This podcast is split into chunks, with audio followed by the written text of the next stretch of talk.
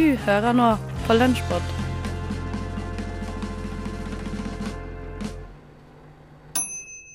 Hei, hei, hei, hei, hei, hei, hei, hei, hei. Jeg heter Tage, og med meg har jeg Eline på teknikken. Hallo. Eh, Du hører på, holdt på å si rushtid. Jeg mente jo selvfølgelig Lunsjpod. eh, Programmet som gir deg det beste fra uka som var på Radio Nova. Og fy søren så mye bra som var forrige uke. Det har vært megamye bra, som alltid, men eh, det, har denne uka vært spesielt bra, tror du? Uh, spesielt bra, har jeg ikke lyst til å si. Jeg har ikke lyst til å si at å, en uke er min favorittuke, for da føler jeg at jeg liksom uh, er litt sånn eh, Hva kan man kalle det? Litt sånn, Har sånn favoritter blant ukene. Men uh, det var mye bra. Og det var jo for eksempel uh, rushtid. Hadde drømmemiddag med kongen, som var veldig gøy. Så er det mange gode innslag. Eh, på slutten skal vi høre en, eksempel en uh, nyhetssak fra Studentnyhetene om seksuell trakassering på byen i Oslo. Så det er utrolig mye godt. Men jeg har lyst til å starte litt rolig med et dikt fra Sorgenfri. Et spiondikt. Eh, fordi spioner har det kanskje ikke sånn som du tror at de har det.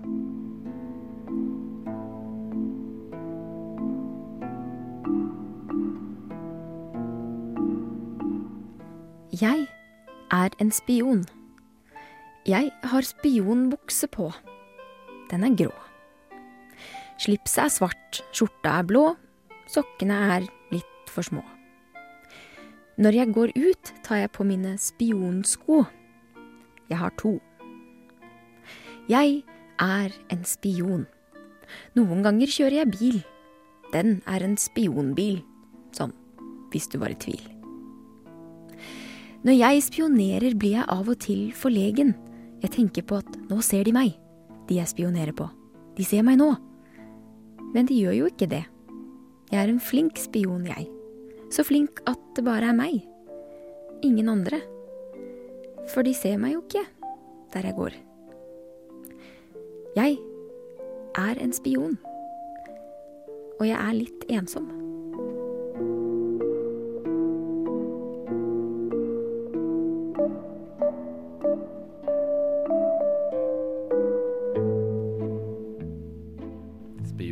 Altså. Fra Sorgenfri. Litt trist. Litt trist, men vet du det er, høres veldig sånn kult ut å være spion, men kanskje ikke det er så kult som man tenker seg. Det er nok litt ensomt. Mm. Eh, Jeg nevnte rushtid eh, fordi at Jørgen utfordrer Andreas og Petter til å beskrive sitt ønskemåltid dersom de fikk sjansen til å spise middag med kongen. Og det syns jeg var utrolig gøy, så det kan vi høre. Men nå vil jeg at dere skal uh, beskrive for meg deres ideelle middag med kongen. Oi. Bare dere to. Oi. OK? Meg og Petter og kongen? Eller Ja, bare meg og kongen? Ja, deg og kongen. Og meg og kongen. Deg og kongen. Og så meg og kongen etterpå? Altså, han er ganske Også... mett når han kommer Ja, det er litt dumt, da. Jo, men det er to forskjellige dager. da Han, han skal bygge opp sult. Det er ikke noe, det er ikke noe å på. Han, han er såpass kompis. Hvordan er din middag med kongen, Andreas? Du, min, eh, min middag med kongen um, Det må jo være Vi har minst uh, en pose med bearnés fra Toro. Minst én. I DLC2. For det er jækla godt. Og så tror jeg faktisk at vi har litt sånn røstipoteter på sida. Gjerne fra Eldorado, stekt, nystekt i ovnen. På siden av det så har vi litt sånn uh, posen til Findus, de her eh, viltgrønnsakene som du koker opp. Er det grønnsakekål og Ja, og ja, og ganske for gulrøtter, sånn, ja, mm, mm, rosekål. Og så litt sånn um, tofu Nei, det passer ikke inn. Uh, litt litt, uh, litt skinke ved siden av. Litt okay. god skinke. Perfekt, Andreas. Da har du uh, bearnés, uh, noe potetgreier. Hva kalte du det? Røsti, Røsti. røstipoteter. Mm. Skinke og viltgrønnsaker. Hva serverer du å drikke til der? Nei, det må vel være Det kan ikke gi Farris, vet du. Nei, det Du må blir jo gi Tipper kongen drikker Farris. ja. Det tror jeg jo. Hva med sånn Er det ikke noe sånn kongebrus? Farris? Eventyr? Eventyr Eventyrbrus er godt. Eventyrbrus. Eventyrbrus. Eventyrbrus. Eller julebrus, for nissen er kongen av jul.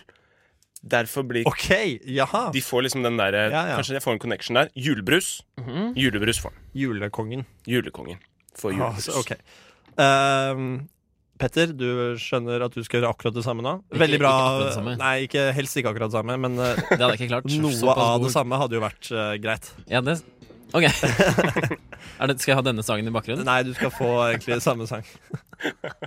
Kan ikke få Seinfeld. Nei, du, den er ikke så lang. Eh, men gi gass, Petter. Greit. Det begynner en lørdag formiddag. Klokken er kanskje tre. Eh, kongen og jeg møtes eh, selvfølgelig på eh, Chardons pub nede ved Karl Johan. Drikker noen øl, drar hjem til kongen. Um, det, setter Er oss på sofaen. Er det middag i bildet her? Hvor bærer det? Setter oss på sofaen til kongen. Uh, ingen vet helt hva vi skal gjøre. Hendene går mot hverandre. De møtes. Uh, jeg tar opp telefonen. Uh, så ringer jeg Domino's Pizza eh, og bestiller to store pan pizza. Det går egentlig ikke an, men kongen kan sikkert få det. Én American cheesesteak og en Mighty Meat. Uff. Ja, du landa det, du landa det til slutt, Petter. Takk. Du var, eh, du var på tynn is, eller eh, ganske Jeg så Ja. du begynte å bli skuffa i øynene. Hvis dette skulle vært sånn at du begynte å hooke med kongen, så hadde jeg blitt litt lei meg. Ja, ja. Nei, jeg hadde ikke respektert uh, konkurransens premisser. nei. Ja, Eline, hvis du skulle spist uh, middag med kongen, hva hadde du spist? Jeg vet ikke, jeg syns pasta alltid er safe. Men kongen hadde bursdag i forrige uke, hadde han ikke det? Jo. Der den kongeinteressen kommer fra. Helt, helt garantert. Over til uh, skomakultur. Uh, Jenny Føland lagde et slags Hva kan man kalle det? Jeg føler det var mer sånn en historie fra hennes hverdag, hvor hun befant seg på en båt. Og hun eh, beskriver denne hendelsen litt sånn drømmeaktig, følte jeg, når jeg hørte på det. Og det var eh, ganske gøy, med en litt sånn kul, morsom vending på slutten.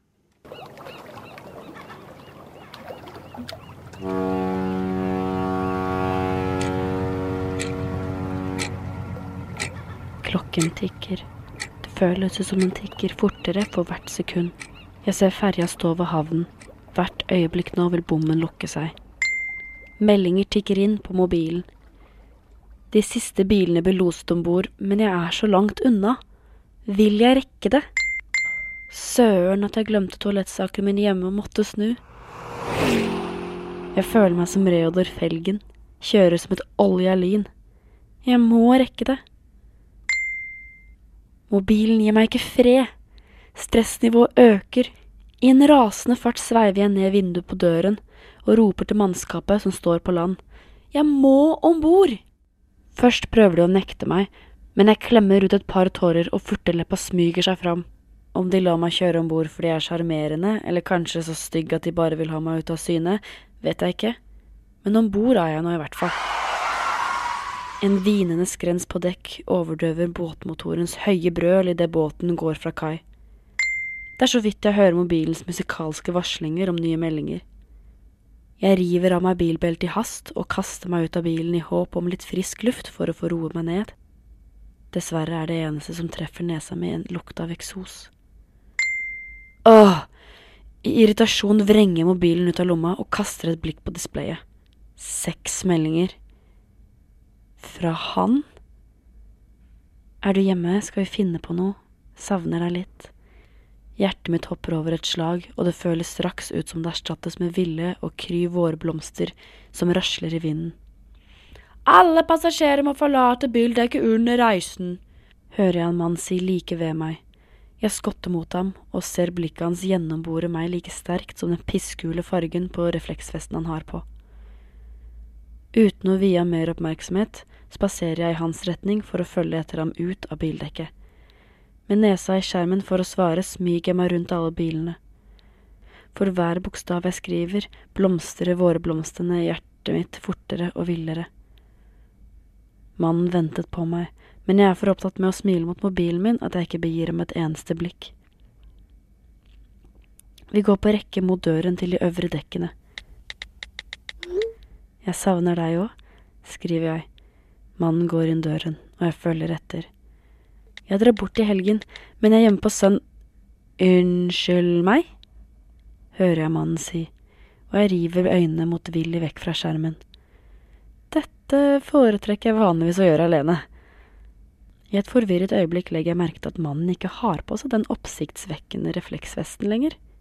Jeg tar meg en titt rundt i rommet vi står i. Dette er ikke trappen til de øvre dekkene.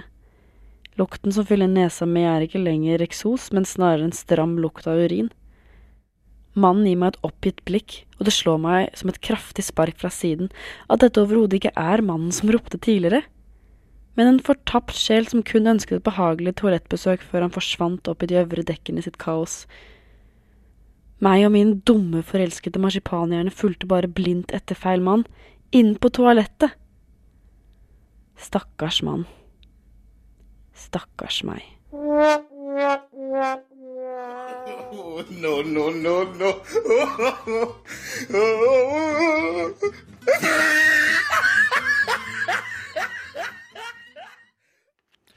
Stakkars Jeanette. Det er fort gjort når man er opptatt med mobilen sin. Ja, det er ikke så lett. Jeg har lyst til å sette på en eh, god låt fra den nye A-lista her på Ranova. Det er Eckhart and The House, If You Cannot Talk. Oh yes. Og nå er det funky. Nå er det funky her. Veldig funky, Eline. God låt fra A-lista. Sjekk den ut på radnova.no. Eh, nå over til eh, godeste Torolf Høstmælingen fra tekstbehandlingsprogrammet.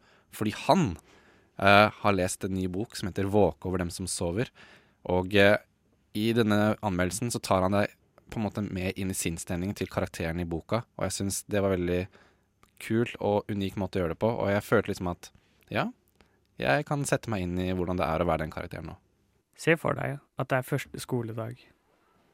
Du har fått ny skolesekk, pennal og den buksa som moren din kjøpte til deg i høst, kan du etter i dag få lov til å bruke når som helst. Du er spent mens du står og venter på at frøken skal komme ut på trappen og ønske dere velkommen. Og alle klassekameratene dine står og tripper, holder sine mødre i hånden og gleder seg like mye som deg til nettopp dette. Å starte på skolen, vokse opp og følge sine foreldres fotspor. Men det er også noe som ikke passer helt. Da du spiste frokost med foreldrene dine, sa faren din til deg at du ikke skulle glemme hvem du var, at du ikke skulle glemme å snakke norsk. Og når frøken kommer ut på trappen, bretter hun ut armene og åpner munnen, men det som kommer ut, er ikke til å forstå. Hun snakker ut i forsamlingen på et språk ingen forstår. Og du kan merke hånden til moren din stramme seg rundt hånden din. Når du skal inn i klasserommet og møte dine fremtidige klassekamerater, fortsetter frøken å snakke slik, og det viser seg at du skal lære hennes språk. Og hvis du snakker ditt eget språk i klasserommet, eller blir fanget i å snakke norsk i friminuttet, får du spanskrøret over fingrene og et bebreidende blikk. Se nå for deg at du har vokst opp og skal sende dine egne barn på samme skole, og dine barn skal gjøre akkurat det samme med sine barn, og den kulturen du har og er en del av, blir i samfunnet sett på som noe sekundært, skamfullt. Generasjon etter generasjon blir påført denne skammen av majoritetssamfunnet. Se for deg hva det hadde gjort med et folk i lengden. Maktstrukturer og skam er nettopp viktige temaer i Sigbjørn Skådens roman Våke over dem som sover. Vi følger sønn som kjører inn i Kautokeino, en by rystet av Kautokeino-saken hvor 16 menn ble dømt for å ha seksuelt utnyttet åtte mindreårige jenter. Sønn, eller Amund Andersen, som han egentlig heter, drar til Kautokeino for å jobbe med et kunstprosjekt. Og ettersom han beveger seg gjennom byen, blir det klart at samfunnet ikke har gjort et ordentlig oppgjør med sin mørke fortid. Samtidig følger vi tidligere generasjoner i slekten hans. Vi møter oldeforeldrene hans, som var blant de første som måtte sende barna sine på skoler hvor de ikke fikk snakke samisk. Og etter hvert som vi får historier fra sønns bestefars og mors liv, sitter vi igjen med et inntrykk av hvordan samer må ha hatt det på den tiden. Hvordan det må ha vært å bli påtvunget en kultur som ikke er ens egen. Våke over dem som sover er Skådens første roman, skrevet på norsk. Det er en roman med et stilrent og nedstrippet språk, men med en kraftig historie. Det er sjeldent man leser bøker man får gåsehud av. Våke over dem som sover er nettopp en slik bok.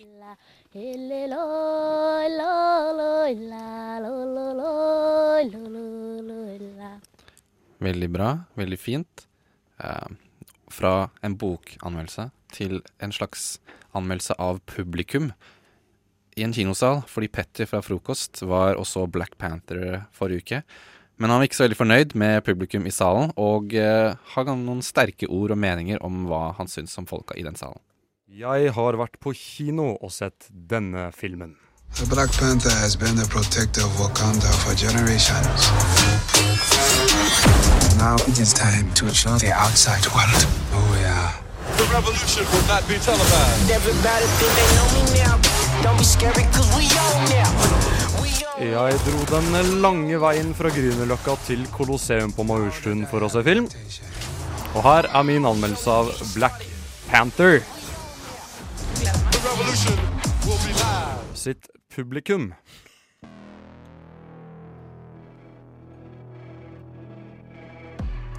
Black Panther, altså. Den nyeste superheltfilmen til å føye seg inn i Marvel Studios' raskt voksende rekker. Vi blir med den svarte panteren til Wakanda, et land i Afrika som ikke finnes på ekte.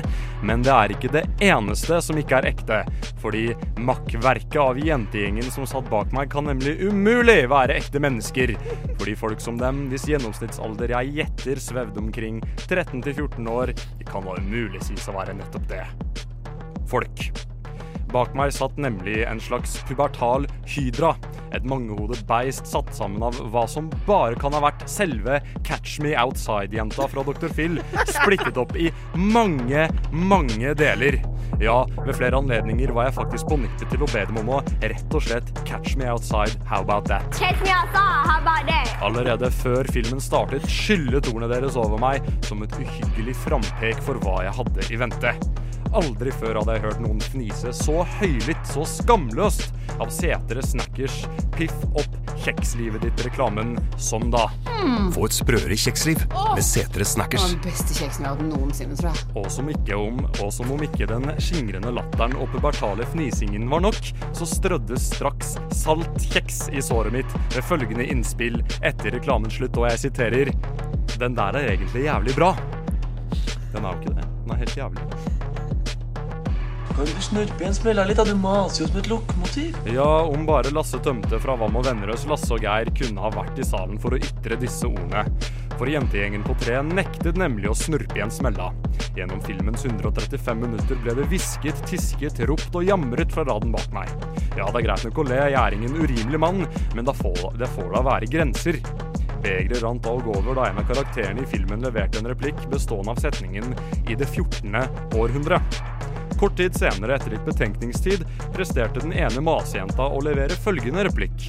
Eh, men de har jo teksta feil. Eh, ha-ha, de sa det 14. århundre, men på underteksten står det 1300-tallet. Skal det ikke stå 1400-tallet? Nei! Et kollektiv huff veltet over salen som en tsunami, før en samaritan av en kinogjenger ropte 'Hold kjeft, for faen!' Min helt, jeg takker deg av hele mitt hjerte. Som en liten oppsummering så vil jeg si følgende. Lyden i salen var noe høyt. God lyd er viktig, men når mangelen på et innholdsrikt lydspor verken kan reddes av Sones dynamikk eller raus kreativ frihet, nei, da er det neppe mye håp. Pluss for medtilskueren som våget seg utover komfortens trygge planke ved å be rakkerungene om å tie, men det faktum at hysjingen ikke resulterte i et lavere støynivå, trekker dessverre vurderingen noe ned. Nei, publikummet ved Colosseums visning av Black Panther fredag eh, 16. februar 2018 var nok ingen gullpalme verdig. Terningkast to. Men eh, filmen, den var helt grei. Terningkast to til publikum. Filmen var helt grei. Ah, veldig gøy idé. Ja. Um, Likte veldig godt og gjennomført. Veldig bra med effektene og musikken. skikkelig bra. Veldig bra. Um, og folk som er irriterende i kinosalen, er kanskje det verste jeg vet. Det er kjempeirriterende. Det er sånn betalt 120 pluss kroner, så skal folk drive med å snakke og bruke mobilen og alt mulig tull. Ja, og i hvert fall hvis lyden ikke er høy nok ut, så man ikke klarer å overdøve det. Da er det vel krise. Det er krise. Ja. Eh, helt til sist så skal vi høre en eh, reportasje fra Selma Helstrand, eh, Helstrand og Aksel Corneliussen. Vanligvis fra Skallebank, men nå har han vært ute på ferde med studentnyhetene. Han har vært seriøs. Mm, seriøs gutt. Ikke verst. Men de tar tempen på hvordan det er i utelivet i Oslo etter den metoo-kampanjen. Og jeg syns den er veldig fin, for at de har fått tak i folk som mener veldig ulike ting om hvordan det faktisk er å være på byen i Oslo om dagen. Så avslutningsvis kan vi høre på den, da. Det var en fyr som slo meg på rumpa. Og så snudde jeg meg, og så sier han ha-ha, hashtag metoo. Selv om seksuell trakassering er ulovlig og straffbart, skjer det flere hendelser på utesteder i Oslo. På utestedet Tijuana møter vi en av gjestene, Vilde Kråknes. Hun mener at mange misbruker kampanjens budskap. Så at de bruker hashtag metoo til å faktisk trakassere noen, så har det ikke blitt noe bedre i det hele tatt. Metoo-kampanjen har satt fokus på hva slags oppførsel som er greit og ikke, men allikevel er det nok mange som opplever uønsket oppmerksomhet. Vi snakker jo om tiden før metoo og etter metoo, så jeg tror nok at eh, de aller fleste er mer bevisst på hvordan de oppfører seg. En av de som jobber med å holde Oslo sentrum trygt på kveldstid, er generalsekretær i Natteravnene, Lars Nordbom. Nordbom forteller at de har sett endringer i folks oppførsel over tid, men at pga. metoo-kampanjen vil det i fremtiden merkes enda større endringer. Vårt budskap det er at det, det holder ikke bare å rope på mer politi og myndigheter. Man må også se seg i speilet og se hva man selv kan bidra med i forhold til økt trygghet i samfunnet. Ser dere mye seksuell trakassering når dere er ute og går? Nei, Vi ser lite til det, fordi vi er ikke inne på utestedene. Og jeg regner med at det er stort sett der seksuell trakassering stort sett foregår. Ja, for det er nettopp på utesteder seksuell trakassering som ofte skjer når man er på byen. Vilde Kråknes på Tijuana mener at metoo-kampanjen har vært bra, men at folk fortsatt har mye å lære om egen oppførsel. Eh, selv om det er en trending ting, så er det ikke sånn at folk lærer seg å respektere jenter selv om. Så jeg har ikke merka noen endring i boys enn hvordan det var før.